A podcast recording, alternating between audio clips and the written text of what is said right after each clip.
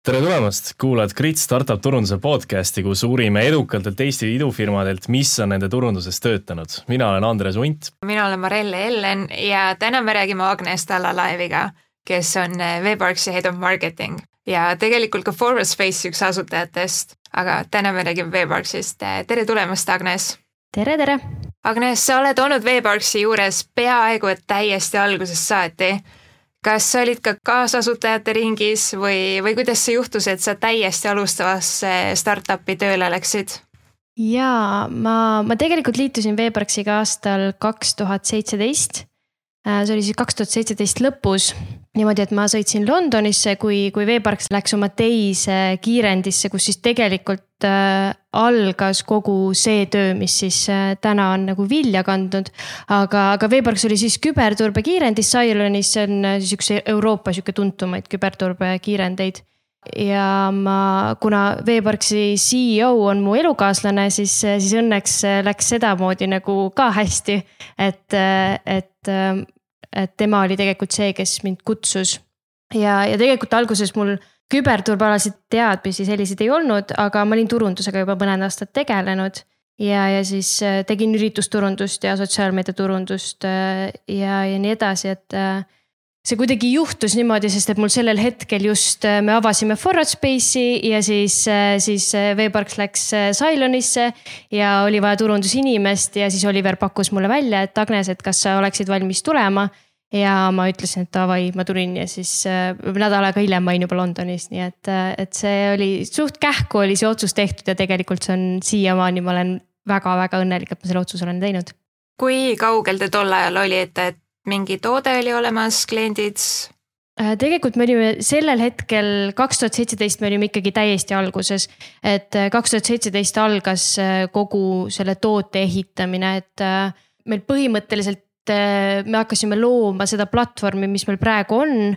ja, ja meil oli siis sellel ajal äh, oli olemas CTO USA-s äh, ja, ja COO oli siis äh, Tauri, kes tegi autolevi enne ja, ja siis oli üks äh, üks arendaja, kes siis äh, oli Singapurist ja seal me hakkasimegi nagu seda asja looma.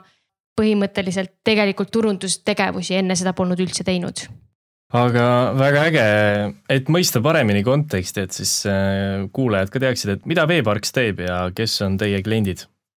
Veeparks põhimõtteliselt äh, Veeparks aitab veebiagentuuridel ja veebiarendajatel leida nende hallatavates veebilehtedes haavatavusi. Ehk siis äh, need on tavaliselt siis äh, kolmanda osapoole koodis, ehk siis näiteks Wordpressi lehtedel pluginates ja teemades ja, ja Veepark siis monitoorib lehti ja annab teada siis veebiarendajale või veebilehe omanikule, kui veebilehes on haavatavus.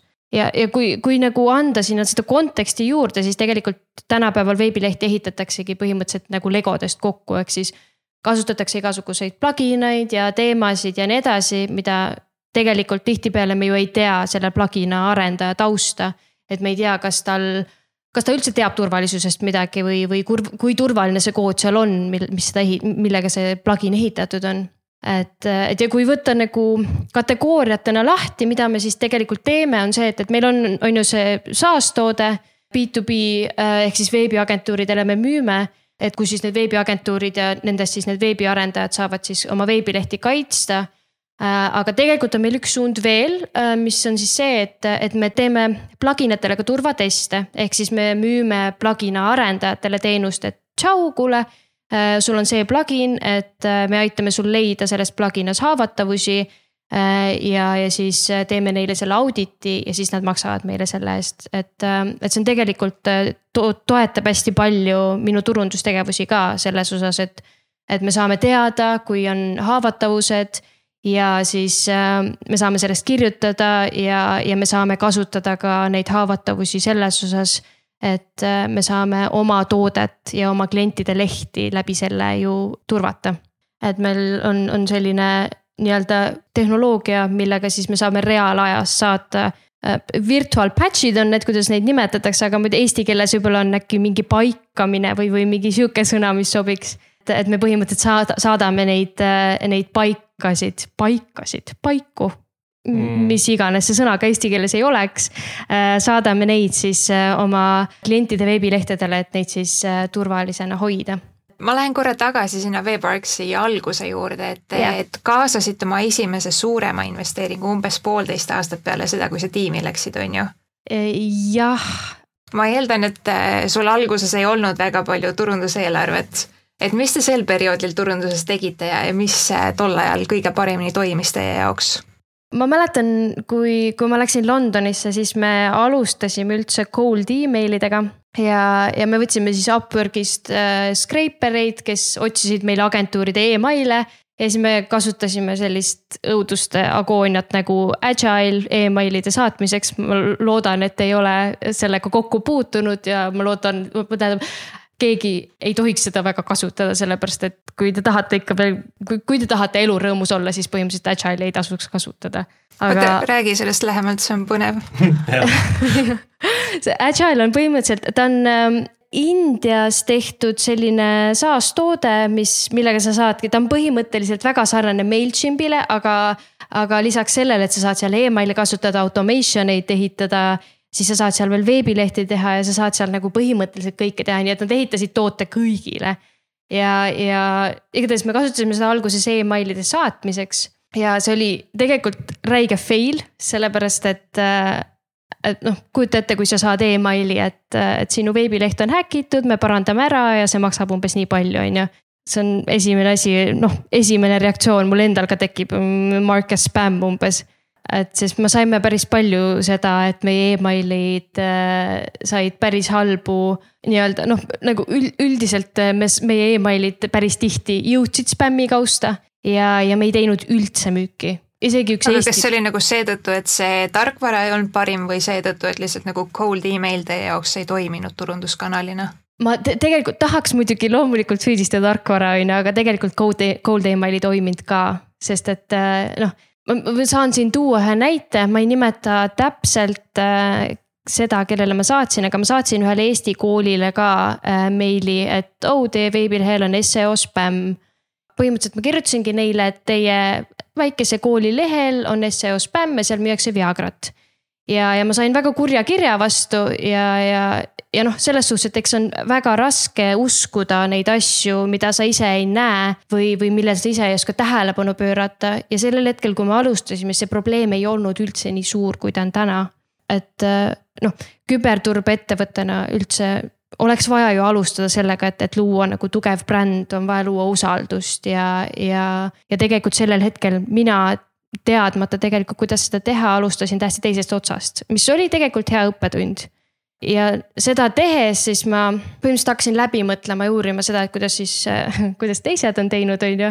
et mida üks veebiturbe-pakkuja teeb, kuidas nähtaval olla ja kuidas nemad on nähtaval ja nii edasi ja siis ma hakkasin keskenduma blogile Äh, sest ma sellel hetkel mõistsin, et, et kõikidel neil, kes tegelikult emaili meilt said, on ju, neil on midagi ühist, et nad siis, kas nad ei usaldanud meid või nad ei olnud piisavalt teadlikud probleemist, on ju, et neil puudus nagu mingisugune informatsioon või, või tead-, teadlikkus üldse sellest, et see probleem, see probleem on probleem. ja, ja siis, kuna mul raha ei olnud, siis ma hakkasingi sisule suunama ja, ja proovisin hakata siis klienti õpetama ja siis panin oma eesmärgiks, et ma kirjutan viis korda paremaid blogipostitusi kui kõik teised. ja, ja käisin siis, vaatasin, mis teemasid teised kirjutavad, proovisin kirjutada paremaid asju ja, ja olles nagu tegelikult null küberi kogemusega, eks mul ei olnud ju küberi tausta, siis ma olen tegelikult olnud alati hea kirjutaja ja hea guugeldaja, nii et, et ma enam-vähem sain sellega hakkama ja praeguseks hetkeks on nagu tegelikult meie blogi äh, üsnagi tuntud äh, WordPressi valdkonnas, et inimesed tulevadki lugema, kui nad tahavad saada targemaks, et, et see oli see asi, mida ma algusest peale hakkasin tegema ja on nagu siiamaani üks meie kõige põhi, põhim-, põhimõtteliselt meie põhitaktika ongi seo ja, ja kui pole raha, siis tegelikult on see ideaalne viis, kuidas lehele traffic ut tuua. aga kas ütleme, öeldakse, et see seo on sihuke pika vinnaga turundusmeetod mm. -hmm. kas see, kas sa nägid, et teie puhul ka see aitas ka kohe kliente ka saada? Äh, ei, see tegelikult võttis ikkagi aega, et äh, me kuskil aasta aega kuni kahe, kahe tuhande kahe, kaheksateistkümnenda, vabandust, aastani äh, ikkagi ei näinud väga palju müüki. kuni me tegime siis esimese sellise public launch'i ehk siis avaliku toote lansseerimisel nii-öelda.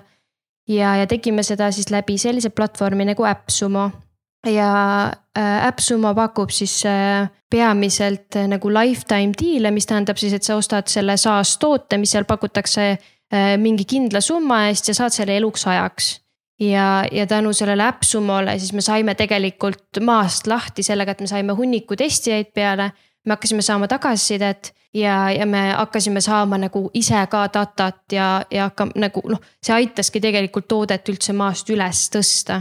Kui me, kui ma praegu ütlen, et meil on äh, kuskil no võib-olla kakskümmend üks tuhat kasutajat äkki kokku ja, ja me kaitseme kuskil kolmkümmend viis tuhat veebilehte ja, ja kliendid on, on meil kuskil kaheksakümne midagi, seitsmest äkki kaheksakümne seitsmest midagi sihukest riigist, siis, siis tegelikult üks suur abi selles kõiges selles alustamises oli Capsumol, et, et me saime üldse mingisugused esimesed kliendid peale, sest et ras-, alguses oli räigelt raske.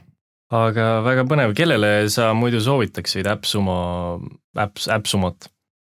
ma, ma ütleks, et tegelikult võib-olla hmm,, see on päris hea küsimus, kellele ma soovitaksin või ütleme jah, mis, mis valdkondades ta nagu töötab ja mis valdkondades võib-olla nii väga mitte mm. -hmm. näiteks äh, tooted, mis on Wordpressile suunatud, on seal viimasel ajal väga populaarsed.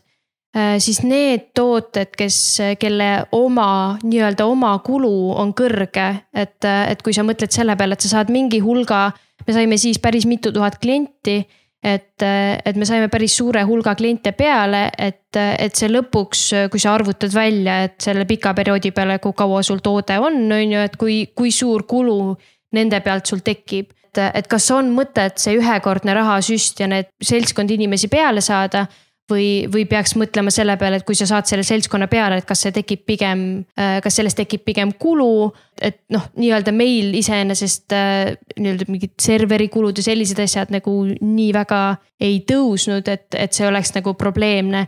aga jällegi AppSumo diilidega on see probleem, et see klient, kes sealt tuleb, on hästi hinnatundlik.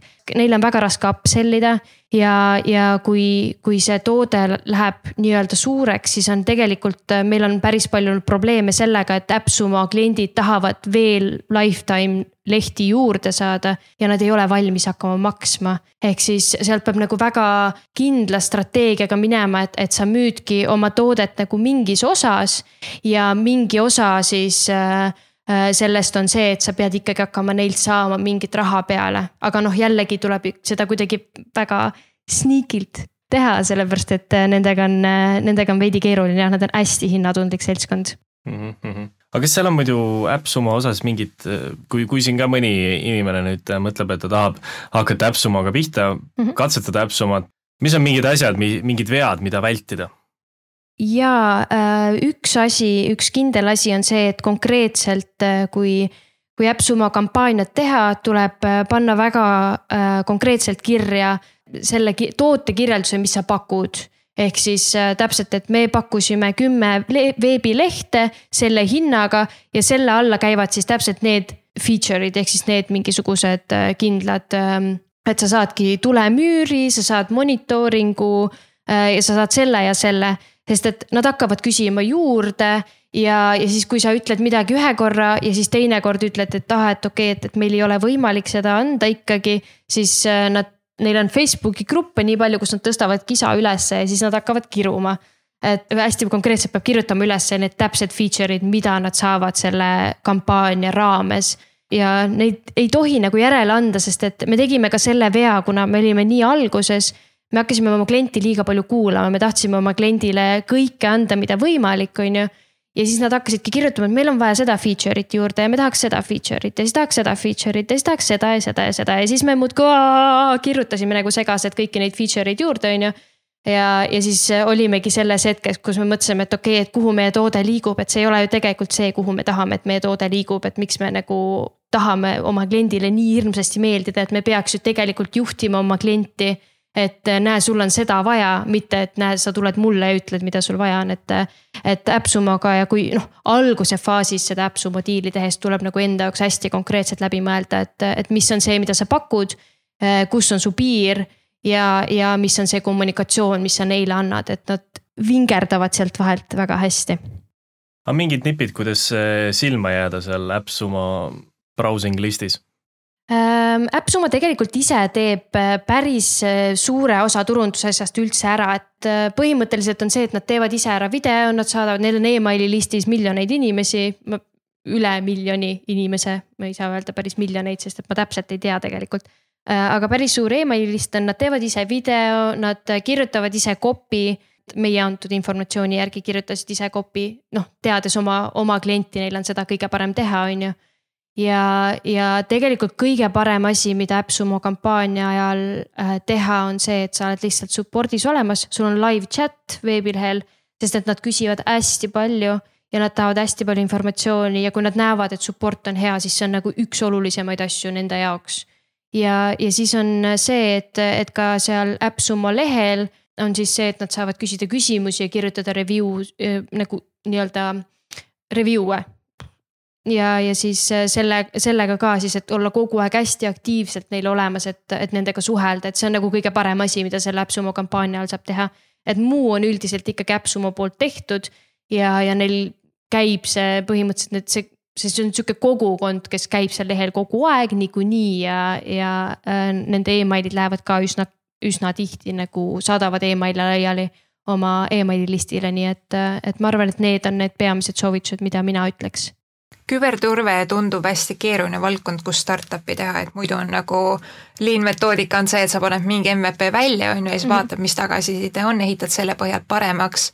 aga küberturves sa ei saa minna mingi pooliku mittetöötava tootega, on ju. et kuidas teil oli nagu peale seda esimest AppSumo, AppSumo kaudu lansseerimist, et kas te saite mingit negatiivset tagasisidet ka? Jaa, me oleme saanud äh, päris palju negatiivset tagasisidet tegelikult äh, ja tegelikult negatiivset tagasisidet me ei ole saanud mitte oma klientidelt ega, ega väljaspoolt, vaid äh, pigem võib-olla Eesti-siseselt ja, ja selles osas, et äh, võib-olla, et, et küberturbes ei saa teha startup'i sellepärast, et äh, sa ei saa nagu nii-öelda noh, turvalisus peab kohe olema turvaline, on ju, sa pead kohe tegema kõike nagu max level nagu mingi kõik tuled-viled, on ju et selles suhtes äh, saime me jah veidi heiti Eesti-siseselt, aga, aga välismaalt oleme me saanud ikkagi ainult väga positiivset tagasisidet mm. -hmm klientidelt ka, et see esimene launch läks nagu kenasti ja ei tulnud sealt mingit ja. negatiivset tagasisidet. ja selles suhtes, et peale seda esimest launch'i läks selline word of mouth turundus pigem nagu hakkas toimima ülihästi ja inimesed hakkasid, need Äpsumo inimesed hakkasid ka tegelikult meid soovitama ja, ja peale seda läks edasi ja me saime tänu sellele Wordpressi kogukonda sisse. et, et see oli hästi väärtuslik äh, kogu see Äpsumo kampaania meil launch imiseks, nii et, et ja see läks ülihästi aga kas seo teemal mingeid, üks oli need minu arust see ka hea nõuanne see, et, et kirju-, võta konkurentide artiklid ja kirjuta kümme korda paremini mm. -hmm. kas on mingid sellised seo nipid, mida sa veel kasutad? nippidest jah, ma, ma olen pigem alati võtnud oma, oma ülesandeid niimoodi, et ma prooviks teha asja paremini, kui mu konkurendid seda teevad et ma otseselt mingeid selline, selliseid parimaid praktikaid ei fänna, sest et ma, ma prooviks pigem riskida ja astuda nagu sammu teelt kõrvale, et katsetada midagi, mis veits võib-olla lõhuks normi. näiteks äh, mul oli vaja saada backlink'e kohe alguses, et siis kuna seo oli põhiteema, on ju, siis backlink'id toetavad äh, väga palju. siis me ehitasime selleks äh, oma tootesse sisse cookie notice bar'is on siis see, see sihuke bänner, mis tuleb lehe alla ja küsib, et kas sa oled küpsistega nõus bla, bla, blablabla on ju, ja siis sa paned nõustu. ja me panime sellele oma lehe backlink'i, kus on siis kirjutatud protected by WebArcs. ja mis see andis, oli siis see, et me saime kohe tuhandeid backlink'e ja see backlink'i, see anchor tekst nii-öelda ähm, oli ka siis midagi sellist, mis annab Google'ile siis info, et see on midagi positiivset. ja, ja kui äh, meil sellel hetkel, tähendab praegusel hetkel ma arvan, meil ongi kuskil sihuke kolmkümmend tuhat äh, protected by WebArcs backlink'i. et, äh, et see, see aitas nagu. ja, et see aitas räigelt alguses nagu maast üles tõusta ja me saime päris äh, mingi hetk lihtsalt hakkaski tõusma see kui ma vaatan oma noh, search console tool idest arvatavasti räägime hiljem, aga, aga search console'is mul on nagu nii ilus on vaadata, kus alguses on sihuke madal õrn, mingisugune tuiamine käib seal all ja siis korraga tõusid äh, äh, visibility'd ja, ja kõik asjad, äh, kus Google hakkas nagu toimima lõpuks tänu nendele backlink idele, kõigele sellele tööle, et. et ja, aga teine asi, mis seo-s on, on lihtsalt oluline hea kvaliteedi lehtedelt nagu saada backlink'e, et et need backlink'id, mis meil tulevad, võib-olla klientidelt ei pruugi alati olla kõige paremad. seega me mõtlesime ka selle peale, et, et see hästi palju on, on turunduses minu, minu turundustöös vähemalt olnud seda, et, et läbi toote. ma mõtlen välja viise, kuidas ma saan toodet ära kasutada oma turunduses ja siis äh, sellest tuligi see, et, et kuna me teeme neid äh, plugina haavatavustest ja sellest teeme research'i ja, ja vahepeal on ka nii, et mõni plugin ongi näiteks miljonile lehele installitud, siis, siis sellest, kui me leiame mõne sellise haavatavuse mõnes sellises pluginas siis me kirjutame sellest blogipostituse ja, ja saadame siis erinevatele tehnoloogia uudistekanalitele, The Hacker News, CDNet äh,, äh, Bleeping Computer ja sellised. ja, ja kuna me tavaliselt ei kirjuta mingisugustest väikestest haavatavustest, vaid nagu väga kriitilistest haavatavustest, siis nad alati võtavad sellest kinni ja me saame sellest nii-öelda tasuta PR-i. ja, ja, ja seo mõtles, ma olen, ma olen nagu tänaseni ikkagi sellel arvamusel, et kui sa lood sisu paremini kui teised, siis, siis see on tegelikult see võit. et äh, loomulikult on see, et blogi peab olema hästi loetav. Äh, minul endal blogis näiteks on hästi palju white space'i, hästi palju illustratsioone või pilte, lühikesed paragrahvid, sest et ma tunnen oma lugejat ja, ja ma tean, et meie teemad on vahepeal keerulised mõista. Äh, ja selle tõttu ma siis loon äh, sisu selliselt, et seda oleks nagu hästi lihtne tarbida, et ongi. et, et kui sa tead, kellele sa kirjutad, siis äh, ja mis neid huvitab, siis see juba annab nii suure eelise sellisel, sellise asja, sellist asja tehes. et, äh, et internetis on nii palju võimalik leida, nii palju crap'i, aga, aga see ongi see, et kui sa teed midagi paremat ja teed midagi mitu korda paremalt, siis see jõuab lihtsalt. ja, ja see ongi, ma arvan, see üks olulisemaid asju seal. sa mainisid enne sellist terminit nagu seo spämm. Äh, mis see on ja, ja kuidas ma turundajana saan kindel olla, et minu lehel seda ei ole? Äh, selleks on tegelikult äh, üks hästi seo spämm, okei okay,, ma kõigepealt räägin, mis see on, see on põhimõtteliselt mhm. selline asi, et kui häkker saab sinu veebilehele sisse, siis ta saab sinna lisada sisu, mis on siis nähtav ainult otsingumootoritele ja üldiselt lisatakse seo spämmi siis selle eesmärgiga, et sinu veebilehe ressursse ära kasutada. ehk siis ta lisab näiteks sinu veebilehe sisse enda mm, nii-öelda lehe, näiteks äh, hästi tihti müüakse mingisuguseid esseede kirjutamise teenuseid või siis oh, Viagra on näiteks selline asi, mida müüakse ja, ja nii edasi. ja, ja kui see sisu kui sa otsid oma veebilehte, vaatad oma veebilehte, oma lehti, blogileht ja kontaktid ja kõik, kõik, need toredad lehed, siis sa ei näe seda informatsiooni ja see on võimalik leida ainult läbi Google'i. ja kui sa tahad testida seda, et kas sinu veebilehes äh, on seo spämm, siis kõige lihtsam on seda teha äh, põhimõtteliselt niimoodi, et sa kirjutad Google'i otsingusse site ehk siis leht inglise keeles, siis paned kooloni, ei jäta tühikut vahele, paned sinna kohe oma veebilehe, näiteks sait koolon neti.ee ja siis paned in text ehk siis in tekst kokku kirjutatult jälle kooloni ja siis hakkad kasutama mingisuguseid sinna kooloni taha mingisuguseid selliseid sõnu, äh, mis siis on tihedalt kasutatud äh, nii-öelda seo spämmis, võidki panna Viagra või, või siis pharma või siis essay inglise keeles. mingi cat food, designer bags, mingid sellised sõnad et äh, see on, seda nimetatakse Google Dorkiks, seda kasutavad pigem siis ähm, nii-öelda social engineering, social engineer'id või need, kes teevad osinti, see on juba väga äh, nii-öelda küberturbe terminid, aga, aga põhimõtteliselt on siis see, sa otsid Google'ist välja väga spetsiifilist informatsiooni läbi selle. et, et ongi sait, koolon, tühikut vahele ei jäta, sinu leht, siis paned in text äh, sinna oma peale oma veebilehe paned tühiku, siis paned in-text koolon ja siis paned sinna mingisuguseid teid ähm, nii-öelda märksõnu. Ja niimoodi on võimalik seda testida kas teie blogi, et, et neid märksõnu, ma kujutan ette, on väga palju, et kas kuskil Veeparksi blogis on ka artikkel, kus on kõik need märksõnad toodud, siis ma saan sealt hakata järjest võtma neid? jaa, see on, äh, meil on olemas ja What is seo spam on blogipostituse nimi, et ma võin teile sellest saata veel eraldi, et äh, siis saate seda jagada me läheme nüüd väga sinna küberturbe valdkonda, lähme tagasi turunduse juurde, mis teil veel olid äh, alguses peamised turunduskanalid ähm,? Ja no sotsiaalmeedia äh, tegelikult on algusest peale olnud, aga kui ma võtan üldse kübervaldkonna, siis tegelikult meil ei ole sotsiaalmeedia kunagi hästi toiminud, ma olen proovinud seda igat moodi suruda, aga, aga sotsiaalmeedia lehtedel äh, meil põhimõtteliselt engagement ikkagi suhteliselt puudub.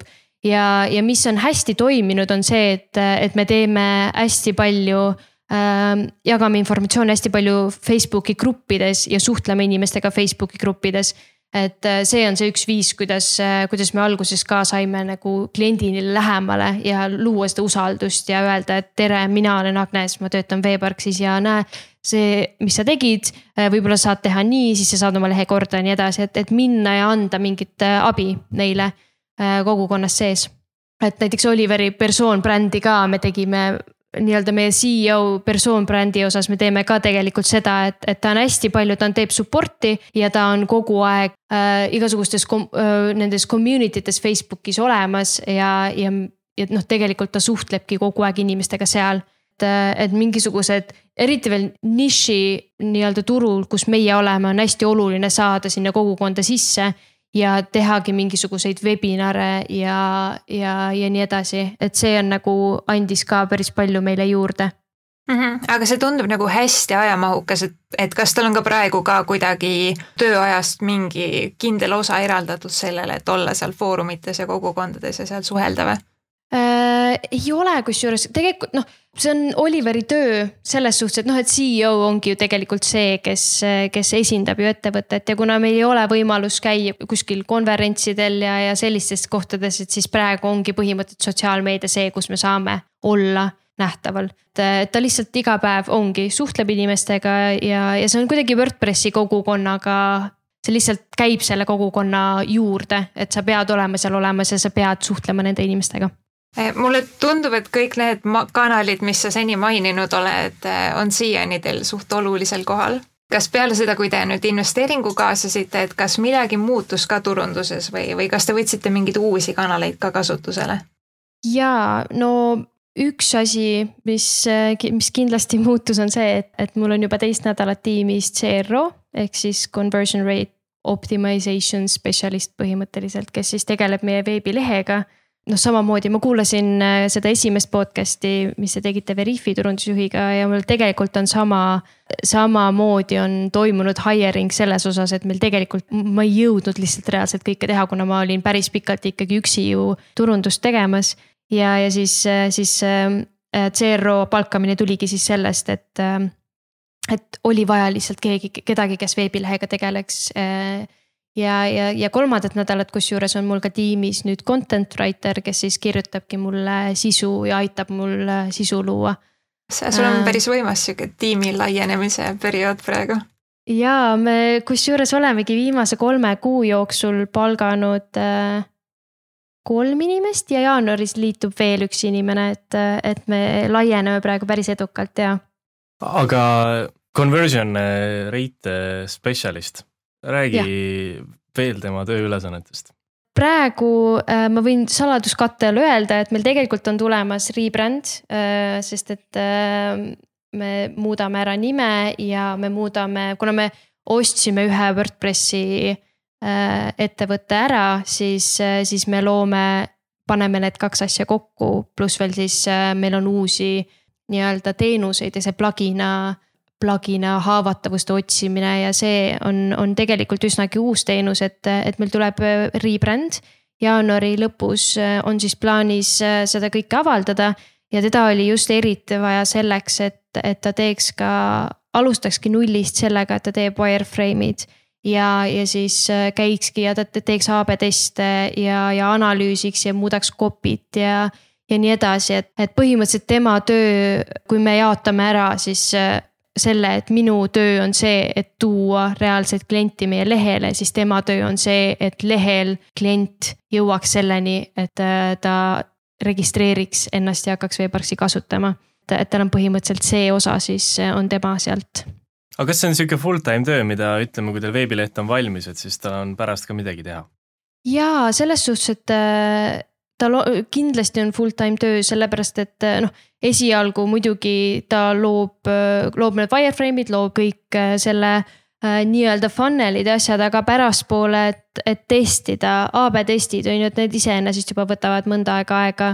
Ja, ja lisaks siis see, et tal on disaineri teadmised, disaineri kogemused, mis, mis minul on üsna väikesed, et siis ta saab sellega aidata, et ta loob ka kampaania jaoks disaine, loob pop-up'e, testib mingisuguseid äh, regamisvorme. Äh, ja, ja tal on, kuna ta töötas enne agentuuris, siis tal on ka kogemused Google Ads idega. et, et ta on selline pigem natukene laiema teadmistega, aga, aga nii-öelda conversion rate optimization spetsialisti osas see on väga tobedalt pikk nimi sellel, aga igatahes äh, tema peamised teadmised ikkagi on seal. et, äh, et üldiselt on lihtsalt meil, ma tundsin, et mul on lihtsalt vaja reaalselt kedagi, kes veebilehega tegeleks ja pidevalt seda uuendaks. Äh, kuna meil lihtsalt kogu aeg asjad muutuvad aga mingeid reklaame näiteks kasutate ka muidu Google'i reklaame, Facebooki, LinkedIn'i? Äh, ja ma olen testinud, LinkedInis ma testisin, jube kallis on, väga hästi ei toiminud. Äh, Facebookis mul jooksevad kogu aeg retargeting ad'id äh, ja jooksevad ähm, siis blogipostitustel, osadel blogipostitustel, mis on siis hetkel relevantsed, näiteks ma teen iga kuu WordPress vulnerability news artikleid, kus ma siis listin ülesse kõik, mis on nagu aktuaalsed haavatavused praegusel hetkel, mida tuleks siis oma lehel update ida või mis plugineid tuleks oma lehel update ida. et siis need on mingid asjad, mis mul kogu aeg jooksevad taustal. ja kui on mingi kampaania, siis ka loomulikult ma kasutan peamiselt Facebooki. Redditiga ma olen ka äh, teinud ad'e, aga Redditiga on lihtsalt see, et Redditis on jube kurjad inimesed, seal on väga raske nagu asja, asja nagu hästi teha, et, et see peab olema siis kas väga halb ad, et nad saavadki seal kiruda. et, et siis, siis on lihtsalt väga populaarne, seal on hästi palju kommentaare, inimesed loevad ja siis see jääb meelde või siis väga-väga hea ad, et, et Redditiga ma arvan, et mul on veel natuke testimist teha. et kes Redditiga hästi ad'e teeb, siis kirjutage mulle aga nüüd eh, nii korra siin tuleb jõuame minu lemmikteema juurde, nimelt eh, sa oled ka eh, ettevõte, mille kaasasutaja mina olen Adacti, Adactiga ühe kampaania teinud, mängustatud turunduse kampaania. räägi mm, -hmm. kust teil, kust teil see huvi tekkis selle vastu?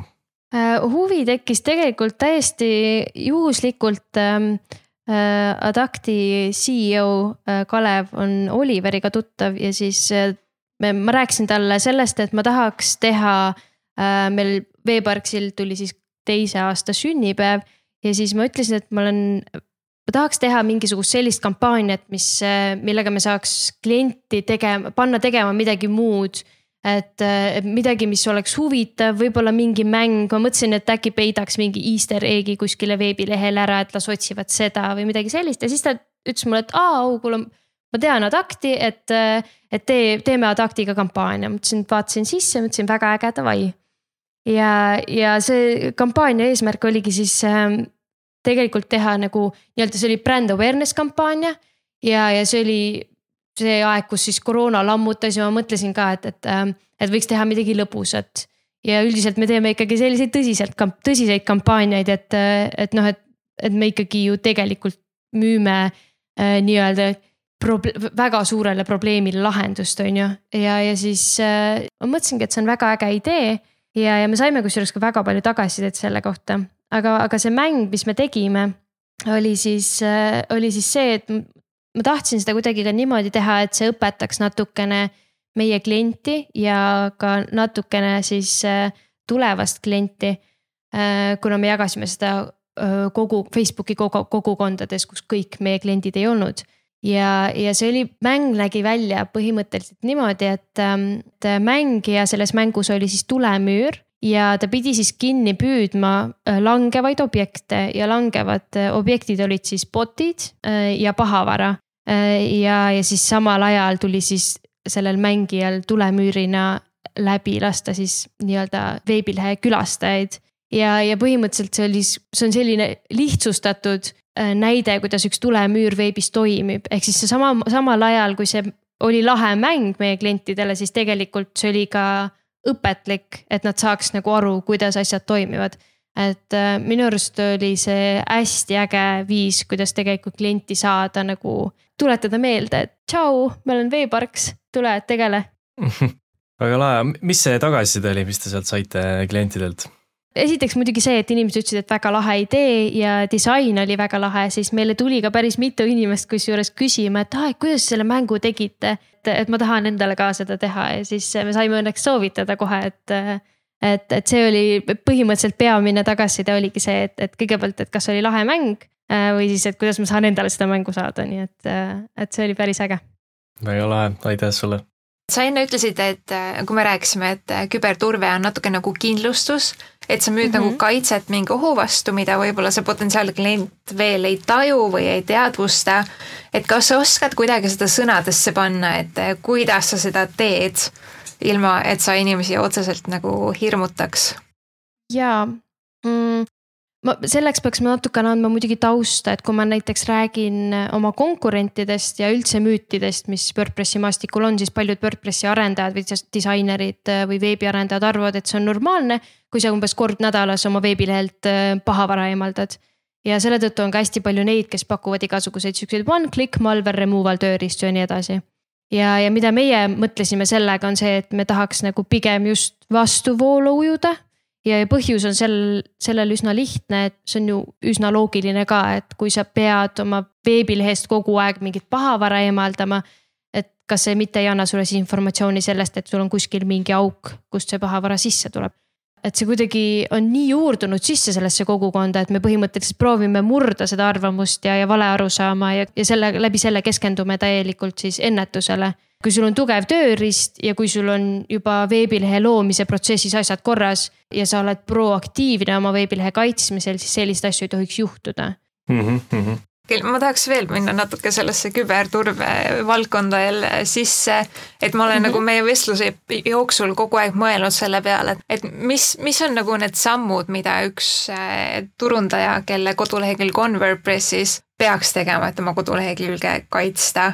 et ma loodan, et sa ei vasta, et ainus äh, lahendus on see WebWorksi plugin. ei, see ei ole kindlasti ainus lahendus, selles suhtes, et tegelikult on kõige olulisem asi on lihtsalt hoida endal, kui sa kasutad ka plugineid ja teemasid, siis hoida enda lehte kogu aeg uuendatud. kasvõi iga päev, muidugi seda on palju küsida, aga kui sa alustad oma tööpäeva, siis käi ja update'i oma pluginad ära, muidugi seal võib juhtuda, et midagi läheb katki ja selleks on hästi oluline, et sul on olemas mingi, mingisugune teenus, mis aitab sul back-up'e teha lehest. aga kõige olulisem asi, reaalselt number üks asi on lihtsalt hoia oma asju nagu uuendatult et üldiselt on see, et kui mingi uuendus tuleb, siis tihtipeale uuendusega kas siis tuuakse mingi uus funktsioon või siis parandatakse mingisuguseid vigu, et ma arvan, et see number üks asi, mida teha, ongi lihtsalt kogu aeg hoida asju update itult ja see tegelikult ei ole üldse nii keeruline mm. -hmm, selge, aitäh. aga nüüd, äh, kui, kui veebileht juba mingis osas on valmis, toimib, hea küll, ma tean, et ma nüüd edaspidi hakkan neid plugin'e uuendama iga päev. Äh, millega, üks asi, sa ütlesid, et kontrollida neid seo spämme selle Google'i abil mm, -hmm. mis on veel mingid asjad, millega ma saan kontrollida enda veebilehe hetke sihukest tervist? Äh, on erinevad skännerid, millega sa saad skännida oma veebilehte. üldiselt on need sellised, et sa pead ikkagi logima sisse ja andma oma informatsiooni ja proovima siis võib-olla mingit trial'is. aga, aga muidu jah, on olemas mingisugused äh, nii-öelda pahavaraskännerid ehk siis malware skännerid WordPressi lehtedele. Äh, nendest ma olen muidugi kirjutanud natukene pikemalt, äh, ma arvan, et nendesse päris süveneda, süveneda siin ei ole mõtet. aga, aga kõige, muidugi ma saan soovitada oma toodet, on ju et, et veeparksiga ka, kui sa logid sisse ja paned oma veebilehe sinna sisse, siis ta annab sulle teada, millised haavatavused sul lehel on ja mis sul on need asjad, mida sa saaksid parendada. et, et kui sul on juba toimiv veebileht ja, ja sa ei tea isegi, et see võib olla häkitud, siis kõige lihtsam tegelikult ongi minnagi siis turvalisuse pakkuja poole, öelda, kuulge, et ma tahan alustada sellega, et ma tahan oma veebilehte ära turvata. kas te saate korra sisse vaadata või aidata mul vaadata selles, sellele veebilehele sisse, et kas midagi on viga. ja, ja siis eks siis sealt siis hakkabki see protsess üldiselt sellist nii-öelda, kas te saate mul aidata, kas veebilehega on kõik korras, seda siis nad otseselt, ma arvan, kohe raha küsima ei hakka, sest meie nagu sellise asja eest kohe raha ei küsi, vaid me vaatame sisse ja, ja ütleme, et kuidas siis sul on, kas sul on vaja mingisugust asja sealt puhastada või sul on vaja lihtsalt juba minna turvamise juurde? Mm. -hmm sa oled õppinud päris põhjalikult äh, NLP-d ehk neurolingvistilist äh, programmeerimist. Ja, ja, ja sa ütlesid, et sa soovitad seda ka teistel turundajatel äh, õppida, sest see on sinu töös aidanud. Ja NLP on niisugune nagu põnev, põnev, põnev sõna, aga, aga täpselt ei tea, et, et kui palju seda sisu seal taga on ja räägi, miks, mis on nagu, mida sina NLP all mõistad ja, ja, ja miks see sind aidanud on? NLP osas ma kõigepealt tutvustaks, et mis see lühend tähendab, see on yeah neurolingvistiline programmeerimine, nagu sa juba ütlesid, et neuro sealjuures tähendab seda või esindab siis inimese närvisüsteemi. ehk siis põhimõtteliselt seda, kuidas me võtame infot vastu ja kuidas me infot filtreerime. ja lingvistiline sealjuures on siis keel ehk siis põhimõtteliselt äh, selle all mõeldakse siis kõike infot edastavat, ehk siis kehakeel, pildid, helid, lõhnad, tunded, maitsed, kõik see ja programmeerimine on põhimõtteliselt siis see, mis viitab sellele, et, et, et meil on, meil on omad mingisugused mõtlemis- ja käitumisprogrammid, on ju. ja, ja kui nüüd väga lihtsalt seletada, siis see kõik võtab kokku niimoodi, et, et see on hulk tehnikaid või mudeleid ja, ja nende tehnikate ja mudelite jaoks on siis tegelikult mudeldatud mingis valdkonnas väga hästi hakkama saavaid inimesi, ehk siis mingeid inimesi, kes on milleski erakordsed kui see lause nüüd loogiline oli. aga, aga põhimõtteliselt ja, et see on siis, see õpetab inimesele eelkõige seda, et kuidas juhtida oma seisundit ja, ja kuidas juhtida aju, et oma seisundit juhtida. ja, ja seal on omad äh, sellised põhimõtted näiteks üks, üks kõige lihtsam põhimõte siis, mida esimesel koolitusel näiteks õpetatakse, on see, et öeldakse, et kaart ei ole territoorium. ja see tähendabki seda, et, et me tegelikult kõik saame asjadest olukordadest, sõnadest aru erinevalt, sest et meil on igale sõnale oma tähendus läbi selle, mis on meie kogemused selle sõnaga. et kui tuua nüüd näiteid turundusse on ju ja, ja näiteks äh, turundustekstide kirjutamisse, siis äh, ma proovin mingisuguseid näiteid luua, et ähm, kui me kõik mõtleme erinevalt, on ju, NLP ütleb seda, et me kõik mõtleme erinevalt, et kui teie näiteks nüüd enda peale mõtlete. et siis kuidas, kuidas teile näiteks mingisuguse probleemi lahendust müüa, et kas teile näiteks meeldiks rohkem, et ära kuluta enam kunagi Facebooki ad idele nii palju raha nende kolme trikiga või siis näiteks hoia kokku Facebooki ad idelt tervelt mitu tuhat eurot kuus nende kolme trikiga. inimesed võtavad seda informatsiooni täiesti era-, erinevalt et osadel inimestel läheb korda näiteks esimene, osadele teine, et, et see aitas hästi palju mul äh, tekstide osas just või mõelda välja seda, et, et kuidas mingid inimesed äh, mingisugust informatsiooni oma ajus protsessivad. aga kuidas et, sa äh, tead seda, et millisele inimgrupile milline tekst toimib või kuidas sa sihid seda? tegelikult läbi interneti ma ju ei teagi, ma ei tea, millisug-, millis-, missugused inimesed tegelikult minu ääde näiteks saavad, et ma saan target ida neid küll mingite konkreetsete punktide järgi, ma ei tea, Wordpressi arendaja, on ju. aga ma ei tea, et kas ta on ühtemoodi inimene või teistmoodi inimene, aga selleks on, on võimalus alati AB testida. et, et sa kirjutadki mitu erinevat äädi, on ju et, et noh, näiteks tuua näitena, et, et NLP-s on kirjeldatud siis välise kontrolliga inimesi ja sisemise kontrolliga inimesi. Et siis kirjutad näiteks ühe jaoks copy, et edukad inimesed kasutavad neid viite trikki, et olla produktiivsed.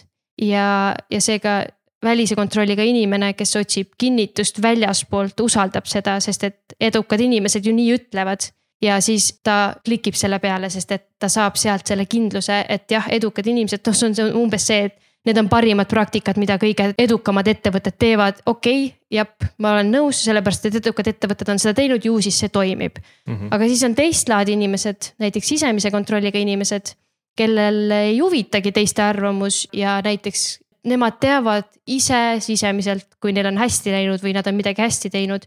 siis neile ma pigem suunaks võib-olla küsimusena, et, et kas sa oled piisavalt produktiivne, sest need viis trikki aitavad sul olla kolm korda produktiivsem kui enne, et midagi sellist.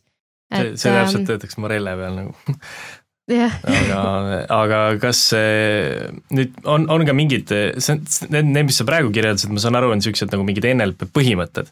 et kas mm -hmm. on ka, ma saan aru, NLP-s on seal neid tehnikaid, ma ei tea, kas neid on sadu või? Ja et, väga palju. et, et äkki sa oskad tuua välja sihuke mingi mõne tehnika, mõne NLP siukse kuumima nipi, mida, mida oleks võimalik turunduses rakendada seda on väga raske niimoodi öelda.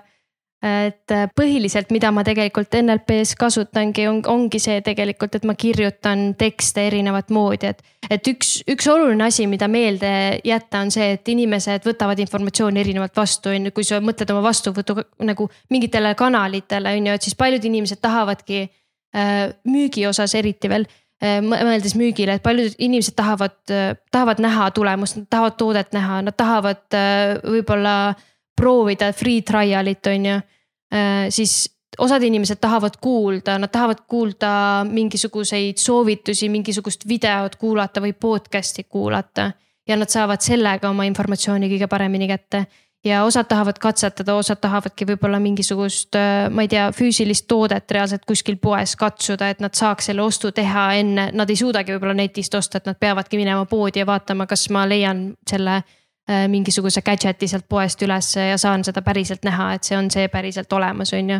ja, ja osadele sobivadki näiteks tekstid, nad tahavad case study si lugeda ja nii edasi, et et äh, mõeldes, olles turundusinimene, see NLP pani mind mõtlema hästi palju selle peale, et sa pead andma nagu hästi suure, laia või hästi laia ampluaaga igale inimesele selle võimaluse, et ta hakkaks su toodet kasutama just täpselt selle, selles mõistes, et äh, ta saaks oma eelistatud kanalist selle informatsiooni kätte. sellepärast on ka oluline ju kasutada videot, on oluline kasutada pilti ja on oluline kasutada teksti, et nagu kõik, kõik need äh, mitu erinevat viisi inimene kätte saaks.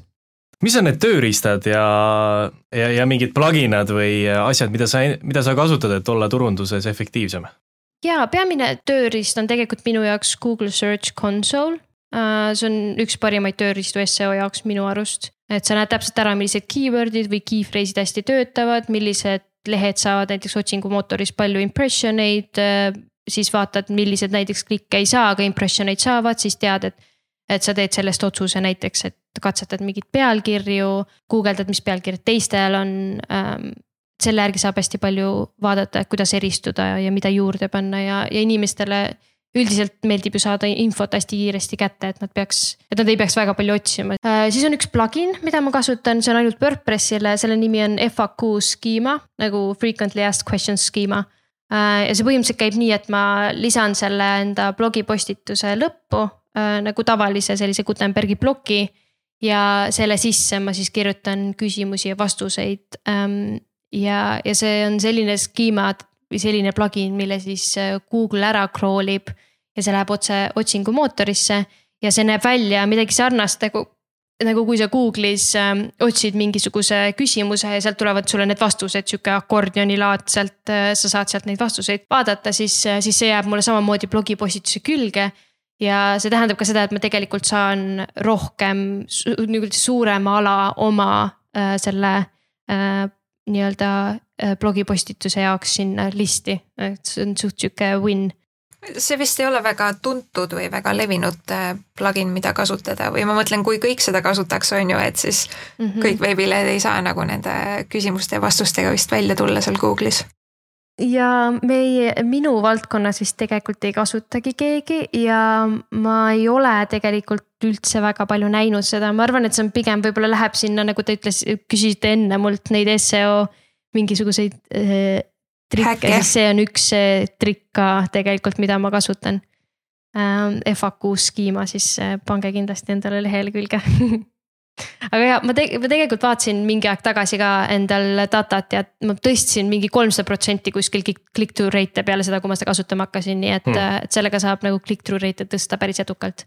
okei okay,, aga mingid veel, veel mingisugused plugin'id, mingid asjad, mis, ja SEMrushi kasutan äh, ma SEMrushi kasutan igat moodi selles mõttes, et äh, seal on äh, see keyword magic tool ja, ja üldse nagu keyword research'i jaoks SEMrush ja Uber Suggest on nagu kaks, kaks sellist peamist äh, tööriista, mida ma kasutangi keyword research'i jaoks.